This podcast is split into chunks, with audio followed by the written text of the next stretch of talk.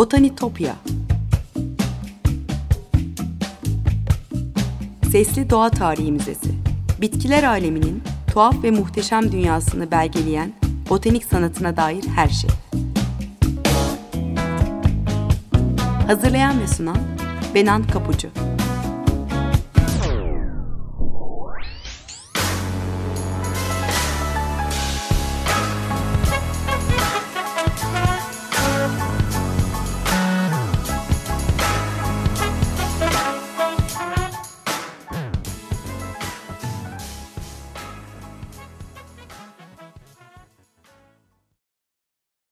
Merhaba sevgili Açık Radyo dinleyicileri. Botanitopya'ya, bitkiler aleminin tuhaf ve muhteşem dünyasına hoş geldiniz. Anlatıcınız ben Benan Kapucu. botanitopya.gmail.com e-mail adresim. Ee, yine Botanitopya adlı Twitter ve Instagram hesaplarım var. Ee, takipte kalırsanız sevinirim. E, sevgili dinleyiciler öncelikle e, şu nezleli sesim için özür dilerim. Çünkü malum mevsim geçişi. Biraz öyle bir sesle konuşacağım bugün sizinle. Kusura bakmayın şimdiden. E, sevgili dinleyiciler bugün yine keşiflerin altın çağına yani 18. yüzyıla doğru uzanıp merak kabinleriyle ünlü Amsterdamlı eczacı Alberto Seba'dan konuşacağız. E, peki nedir merak kabinleri derseniz? E, doğa müzelerinin öncülleri olduğunu söyleyebiliriz. Yani egzotik ülkelerden getirilmiş doğadaki nadir bitki ve hayvan türlerini bir araya getiren, e, yeri, göğü, tüm makrokozmosu tek bir odaya sığdıran ve sürekli gelişen bir arşiv aslında merak kabinleri. Nadire kabineleri de deniyor bu arşiv odalarına. E, halka açık müze dediğimiz yapı aslında toplayıcılığın e, tarihine baktığımızda göreceli olarak yeni bir buluş. E, nesneleri toplama ve onları değerli birer hazine eşyası gibi yan yana getirme ve belli bir mantık içinde düzenleme tutkusu çok daha eskiye dayanıyor. E, 16. yüzyıldan beri birçok e, Avrupa sarayında, işte aristokrasi üyelerinin evlerinde ya da şatolarda, e, kimi dolaplar bazen de bazen de tüm bir oda e, gösteriş meraklısı prenslerin ve soyların belli koleksiyonlarına ayrılıyordu. 16. E, yüzyılda farklı ülkeleri ticaret ağları da gelişmeye başlamıştı. O, o hareketli ortamda e, tüccarlardan, kaşiflerden, e, yabancı ülkelerdeki bitki çeşitliliğine dair haberler geliyor. Floransa'da Medici'ler, işte Münih'te Bavyera Dükü Albrecht gibi büyük mülk sahipleri onları elde etmek, en alışılmamış ve egzotik bitki koleksiyonları oluşturmak için birbirleriyle yarış halindeydi. E, yeni e, coğrafik ve bilimsel keşiflerle giderek daha karmaşıklaşan dünyada e, ideal bir merak kabini dünyanın hatta kozmosun bütünsel bir resmini ortaya koymalıydı. Daha doğrusu bir mikro evren yaratmalıydı. Merak kabinlerinin yani ilk örneklerinin kesin olmasa da 1570'lerde İtalya'da e, görülmeye başlandığı e, tahmin ediliyor Alplerin kuzeyine doğru gidince de harikalar dünyası en ünlüsü aslında e, Kutsal Roma'nın imparatoru 2. Rudolf'a aitti.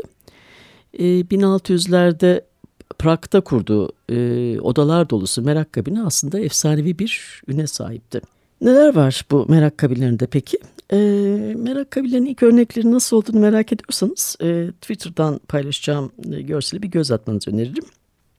E, ünlü sanatçı Joseph Arnold'un bu gouache çalışmasında 17. yüzyıldan bir merak kabini görülüyor. E, tablolar, silahlar, dünya küreleri, gök küreleri, saatler, kitaplar, e, deniz kabukları, küçük heykeller yerde dekoratif bir düzen içinde duruyor. Ayrıca e, masalarda, raflar ve küçük dolaplarda birbirinden çok farklı objelerin sergilendiğini de görüyoruz. Duvarlardan tavanı her yer tıklım tıkış bir odada. Antik paralar, figürünler, yani minik heykelcikler, e, mücevherler, kusursuz işçiliği olan mobilyalar, kitaplar, tablolar, e, uzak diyarlardan getirilmiş ender bitkiler, doldurmuş zavallı hayvancıklar, mineraller, hatta tek boynuzlu atların boynuzları gibi sihirli şeyler. E, bezuar taşları, görülmedik ucubeler vardır bu e, merak kabinlerinde. E, Ya asilzadelerin ya da zenginlerin sahip olduğu e, halka açık olmayan son derece pahalı koleksiyonlar e, son zamanlarda tarihçiler tarafından çokça tartışılıyor ve inceleniyor.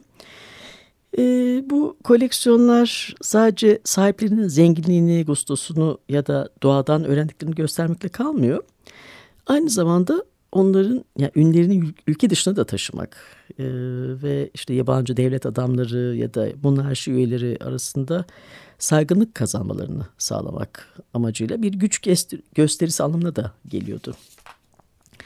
E, bu koleksiyonlarda yaratılan karmaşanın altında da izleyici şaşırtma, büyüleme, onda e, onu izleyende bir hayranlık uyandırma e, amacı vardı. Oldukça pahalı bir uğraş olduğu için elbette sadece asiller ya da politik gücü olanlar odalarını Tanrı'nın yarattığı bu harika varlıklarla e, doldurma heveslerinin peşinden gidebiliyordu. E, bugün benim bahsetmek istediğim e, ünlü ülkesinin sınırlarını aşmış merak kabini ise Amsterdam kökenli bir eczacı olan Albertus Seba'ya ait. E, onun çağdaşı olan birçok bilim insanı e, araştırma amacıyla sıklıkla doğadan örnekleri topluyordu o dönemde ama Seba'nın koleksiyonu çeşitliliği açısından rakipsiz. E, tabii onun şansı Amsterdam gibi e, bir kentte yaşamak. Çünkü Amsterdam 18. yüzyılda e, sömürge imparatorluğunun merkezidir. E, uzak diyarlardan gelen e, denizcilerden aldığı hayvanlar, e, bitkiler, e, böceklerden oluşmuştur bu inanılmaz koleksiyon ve onun yaşamı boyunca uluslararası bir ün ve entelektüel çevrede saygınlık kazandırmıştır. Ee, binominal sınıflandırma sistematiğinin kurucusu olan Carl Linnaeus'un e, birçok doğa bilimcinin de yararlandığı e, en kapsamlı e, bilimsel koleksiyon diyebiliriz rahatlıkla. Albertus Seba 1725 yılında bir alıcıya yazdığı mektupta koleksiyonunu şöyle tarif ediyor. Doğu ve Batı Hint adalarından sıra dışı parçalar, çoğu yılanlardan oluşan 700 kavanoz ender egzotik hayvan, aynı zamanda dünyanın dört bir köşesinden mükemmel korunmuş en nadide kelebekler, son derece ender bulunan inanılmaz çeşitlikte kabuklu deniz hayvanları diye tarif ediyor. Sonra bu listeyi kimleri bilinen, kimleri daha önce hiç görülmemiş bitkiler diyerek tamamlıyordu. Seba'nın e, bitki ve hayvan örneklerini katalogladığı Tezaurus da e, 18. yüzyılın en önemli doğa tarihi kazanımlarından biri. E, hepsi e, tek tek elde boyanmış çizimlerden oluşuyor bu e, kitap. Bugün e, tüm zamanların en önemli doğa tarihi kitapları arasında sayılıyor. Tabii e, Albertus Seba'nın başarısı elbette e, doğa tarihiyle yakın bağları olan bir meslek seçmiş olmasıyla da ilgili. E, 1665 yılında Hollanda'nın doğusunda Etsel kasabasında doğmuş Seba. E, onun yaşadığı yıllarda e, Rönesans'tan sonra giderek önem kazanmaya başlayan ampirik bilimlerin önceleri doktorlar ve eczacılardır. E, bugünün aksine İlaçlar da sentetik olarak değil doğal kaynaklar kullanılarak yapılıyordu. Hayvansal, bitkisel ya da mineral katkı maddelerinden nasıl e, ilaç yapılacağını gösteren eski reçetelerden de yararlanıyorlardı. Ama e, eski reçetelerle yetinmeyenler de vardı. Yani Albertus Seba gibi e, eczacılar yeni metotlar araştırıyordu e, uzak ülkelerden doğal türlerin peşine düşüp e, çalışmalarıyla bu yeni türlerin potansiyel kullanım alanlarını araştırıyordu. Onların bu e, toplama ve araştırma tutkusu çoğunlukla e, farmasötik yani ilaçla ilgili uygulamaların da ötesine geçiyordu. E, doğa bilimciler için bu, bu tip koleksiyonlar e, farklı flora ve faunalardan örnekleri inceleme şansı sunmanın ötesinde canlı dünyasının çeşitliliğini göstermesi ve makrokozmosun küçük bir modeli olması açısından da önemli bir bilgi kaynağıydı. E, Albertus Seba ilk eğitimini e, 1684 yılında Neustadt Gödens'te almış. Sonra Gröningen, Amsterdam, Nürnberg ve Strasbourg'a seyahat ederek e, farmasötik bilgisini derinleştirmiş. E, ve bu gittiği şey kentlerde e, bazı doğa tarihi koleksiyonları üzerine de çalışmış. E, seyahatlerden sonra dönüp e, bir meslektaşının kızı Anne Lübs ile evlenerek Amsterdam'a yerleşmiş. Sonra eczacılık sınavlardan geçip e, Die Deutsche Apotheke yani Alman ecza dükkanı e, adlı kısa zamanda büyük ün kazanan e, eczanesini kurmuş. E, önemli bir başarıya ulaşmıştır eczanesi ve gazetelere verdiği ilanlarla ilaçlarını deniz aşırı ülkelerde de satar aynı zamanda. E, Seba'nın yaşadığı Amsterdam o yıllarda dediğim gibi sömürge imparatorluğun merkeziydi. E, Flaman kaşiflerin korsanvari yöntemleri ve e, üstün kargo gemileriyle e, baharat ticaretinin tekelini alan Hollanda Doğu Hindistan şirketinin getirdiği zenginlikler sayesinde Amsterdam e, uluslararası deniz ticaretinin ve e, sömürge imparatorluğunun merkezi konumundaydı. E, siyasi ayrıcalıklara sahip olan hatta borsayı kuran şirket e, fethedilen ülkelerden baharatlar, e, kumaşlar, mücevherler ve diğer e, kolonyal ürünleri taşıyarak yüksek bir karla dünyaya pazarlıyordu. E, Alberto Saba'da o, bu meşhur Alman ecza dükkanında e, seyahate çıkmaya hazırlanan gemiler için ilaç hazırlıyor. E, uzun yolculuklardan dönen hasta denizcileri tedavi ediyordu. Bu denizciler evlerini çoğunlukla e, koloni ülkelerden e, bulup getirdikleri ender bulunan egzotik hayvanları, e, hayvanlar, bitkiler ve minerallerle dönüyordu.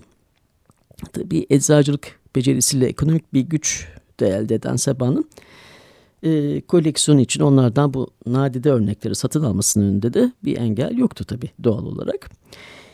Böylece onlarca yıl boyunca topladığı ender hayvan ve bitki örneklerini Amsterdam'daki evinde özel tasarlanmış bir odada sergilemeye başlar kısa bir sonrasında e, tüm Avrupa'dan ziyaretçilerin ilgisini çekmeye başlayacak. E, evet sevgili dinleyiciler şimdi bir müzik arası verelim. Alberto Seba'nın çağdaşı Wolfgang Amadeus Mozart'ın eseri 11 nolu piyano konçertosunu dinleyelim şimdi. Bir iki dakika sonra tekrar karşınızdayım.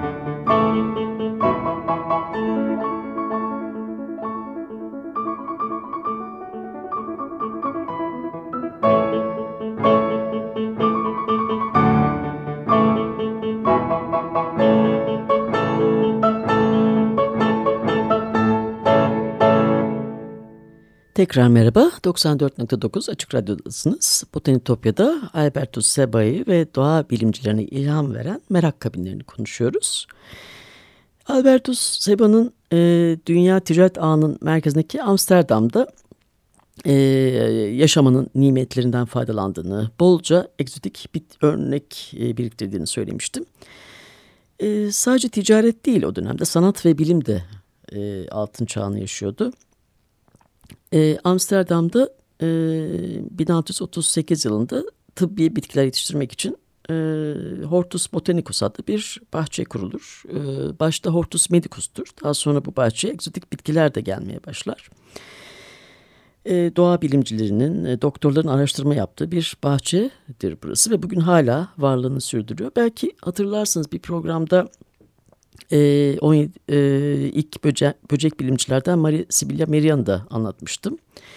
E, kelebeklerin, tırtılların e, metamorfoz sürecini belgelemek için bu bahçede çalıştığına değinmiştim. İşte dediğim gibi o zaman Hortus medicus'tu e, adı ve daha sonra Hortus botanicus'a dönüşür. E, egzotik bitkilerin de gelmesiyle birlikte. E, Hollandalı araştırmacılar o dönemde e, sosyal sınıflarının ve ulusal kimliklerin getirdiği sınırlamaları da aşarak e, bilginin el değiştirdiği ve bilim adına yeni soruların sorulduğu, e, keşfedilen yeni bitki ya da hayvan türlerinin paylaşıldığı e, uluslararası iletişim ağında e, entelektüel çevrenin saygın birer üyesi olurlar. E, Alberto Seba da onlardan biridir. E, Avrupa'da Sir Hans e, ya da Londra'daki kraliyet topluluğunun e, bilim kurulu başkanı Johann Jakob Scheuzer gibi birçok saygın araştırmacıyla güçlü bağlantılar kurmuştur. E, Seba koleksiyonu bir yere getirirken e, Sri Lanka'dan, e, Grönland'dan, e, Virginia'dan, Batavya'dan yani bugünün Endonezya'sı, Jakarta'dan gelen örneklerin yanında e, uluslararası anlamda diğer koleksiyoncu, e, koleksiyoncularla da de, değiş tokuş yaparak e, koleksiyonu zenginleştirmiş. E, onun merak kabinlerinde çağdaşların aksine silah, antik para gibi insan yapımı nesneler de yoktur. Daha çok e, doğadan alınan örnekler vardır. E, e, merak kabineleri o kadar ilgi çeker ki 1717 yılında Çar 1. Petro bile e, onu ziyaret eder ve e, bu koleksiyondan o kadar etkilenir ki tüm örnekleri satın alır ve hepsini gemiyle e, St. Petersburg'un ilk müzesi olan e, Kunstkammer için St. Petersburg'a getirir. Tabii koleksiyonu satmasının hemen arkasından e, bundan çok daha geniş olan ikinci koleksiyon oluşturmaya başlar. E, 1731 yılında yine onlarca yıllık bir birikimden sonra e, örneklerin çizilmesi için sanatçıları davet eder ve dört ciltlik bir katalog e, basılmasını planlar. E, koleksiyondaki tüm örneklerin e, 446 adet e, bakır levha üzerine tek tek resmedilmiştir bu eserde. 1734 ve 1765 yıllar arasında basılmış dört ciltten oluşuyor. E, illüstrasyonların çoğunda e, tek bir levhada farklı bitki ve hayvanlar bir arada resmedilmiştir. E, onun bu harikalar diyarında e, tuhaf ve egzotik bitkilerden yılanlara, kurbağalara, timsahlara, deniz kabuklarından mercanlara, e, kuşlar ve kelebeklere e, birçok e, bitki ve hayvan örnekleri vardır. Hatta onların yanı sıra e, hidra ve ejderha gibi fantastik yaratıklar da vardır. E, Tezarus e, adını alan bu kataloğun ilk sayfasında da e, Albertus Seba'nın bir portresi yer alır. Jan Moritz Quinhardt'ın resmetmiş olduğu bir portredir bu. Jakob Heubraken de gravüre aktarmıştır. E, bu portre aslında ilginç. Arka planda e, tüm duvarda içinde yılanların saklandığı sıra sıra kavanozlar, mercanlar vardır. E, Seba'nın sağ elinde muhtemelen e, alkol dolu e, bu kavanozlardan biri vardır. E, sol eliyle de e, önünde masanın üzerinde duran dağınık çizim sayfalarını, e, açık bir botanik kitabını ve deniz kabuklarını işaret etmektedir. Tabii bu e, kompozisyon aslında tezarüsün oluşması sırasındaki o süreci de e, özetler niteliktedir. Yani canlı türlerin toplanmasından basılı işe kadar kitabın ortaya çıkış sürecinin bir özeti gibidir aslında. E, ilk basımlarında e, siyah beyaz olur e, baskılar. Yani tezahürüsün ilk baskıları siyah beyazdır. E, satın alanlar talep ederse renklendirme uzmanları renkli basımlarını da yapabiliyorlardı. E, muhteşem renkleri var bu e, şeylerin, e, baskıların. Yani o Twitter'dan paylaşacağım görsellerde de zaten onu fark edeceksiniz. E, aslında bu renklendirme hem e, estetik göründen ziyade bilimsel olabilmesi açısından da tercih ediliyordu. E, bazı türler, kelebekler, e, yılanlar ve deniz kabukları sadece renkleriyle değil, e, o siyah beyaz gravürlerde pek anlatılamayan aslında o desenlerle de birbirinden ayrı, ayrılıyordu. O açıdan renklendirme son derece önemliydi. Bazen birkaç kere e, renk geçilmesi gerekiyordu. Özellikle bir e, deniz kabuğunu anlatırken. E, tezahürüsteki çizimlere baktığımızda e, insanoğlunun acımasızca tükettiği maalesef e, çoğunun e, nesli tükenmiş. Rengarenk sürüngenleri, büyüleci böcekleri ve kabuklu deniz hayvanlarını görebiliyorsunuz. E, ama Seba'nın sınıflandırması e, benzerlikler ve karşılaştırmalar üzerine. Yani sıklıkla doğal anormallikleri ve tuhaflıkları da ayrılmış. E, Karayipler'den gelmiş bir bebek fetüsü, çeşitli hayvan fetüsleri, e, iki bedenli tek kafalı bir keçi gibi tuhaf örnekler de vardır bunların arasında. E, kitabın ön sözünde e, çizimlerin koleksiyonuna ait olduğunu söylüyor ama bu yedi başlı yaratık Hidra için bu pek inandırıcı değil. E, Albertus e, Seba'nın tabi son iki katalog için ömrü vefa etmemiş. Çalışmanın sonunu görememiş. E, son iki cilt onun e, 1736 yılındaki vefatından sonra ilk taslaklardan yola çıkarak e, farklı uzmanlarca hazırlanmış. E, bu tezahürüsün aslında barok kitap tarzının etkileyici bir örneği olduğunu söyleyebiliriz e, rahatlıkla. Kompozisyonlar son derece sanatsal. E, Maria Sibilia Meriana yüklenen kim isimlerde e, hayvanlar ve bitkiler bir sahne içinde kurgulanmış. E, yaşam döngüsü anlatılmış. E, ya da işte doğal bulunduğu habitatla ilgili örnekler verilmiş. Mesela bir yılan avını yutarken bir diğeri e, kertenkele önünde saldırı pozuna geçmiş halde bilimlenmiş. E, tezarüsün ikinci, üçüncü ve dördüncü baskılarında daha bilimsel bir yaklaşım var. E, belli türlere ve cinslere göre ayrılarak tablolar eşit aralıklı sıralar halinde çizilmiş. İlk cildin metinleri eh, Sebat tarafından yazılmış.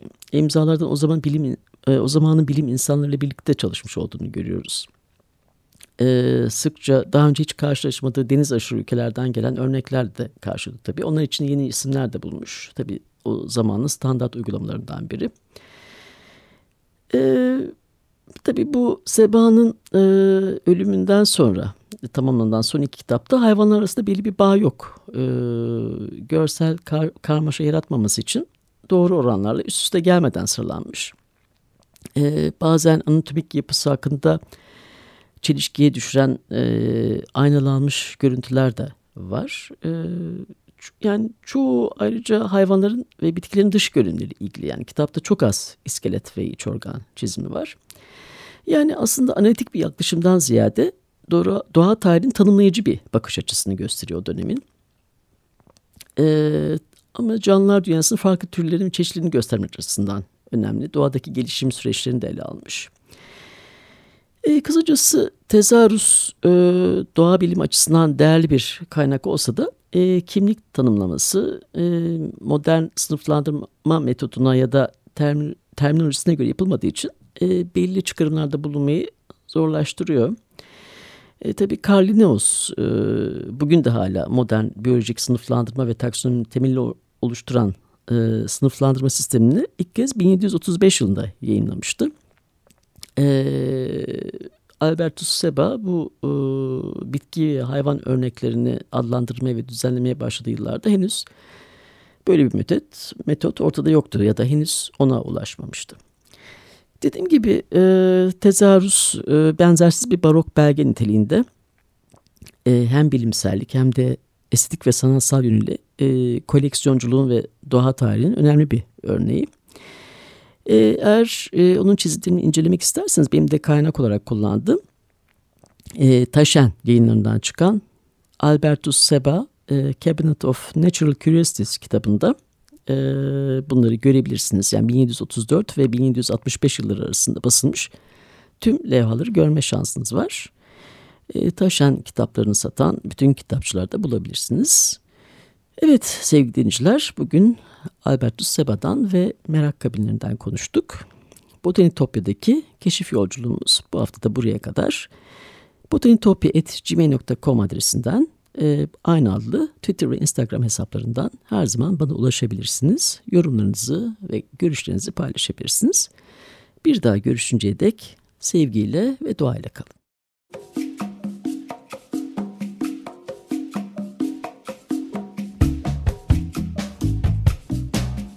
Botanitopya Sesli Doğa Tarihi Müzesi Bitkiler aleminin tuhaf ve muhteşem dünyasını belgeleyen botanik sanatına dair her şey. Hazırlayan ve sunan Benan Kapucu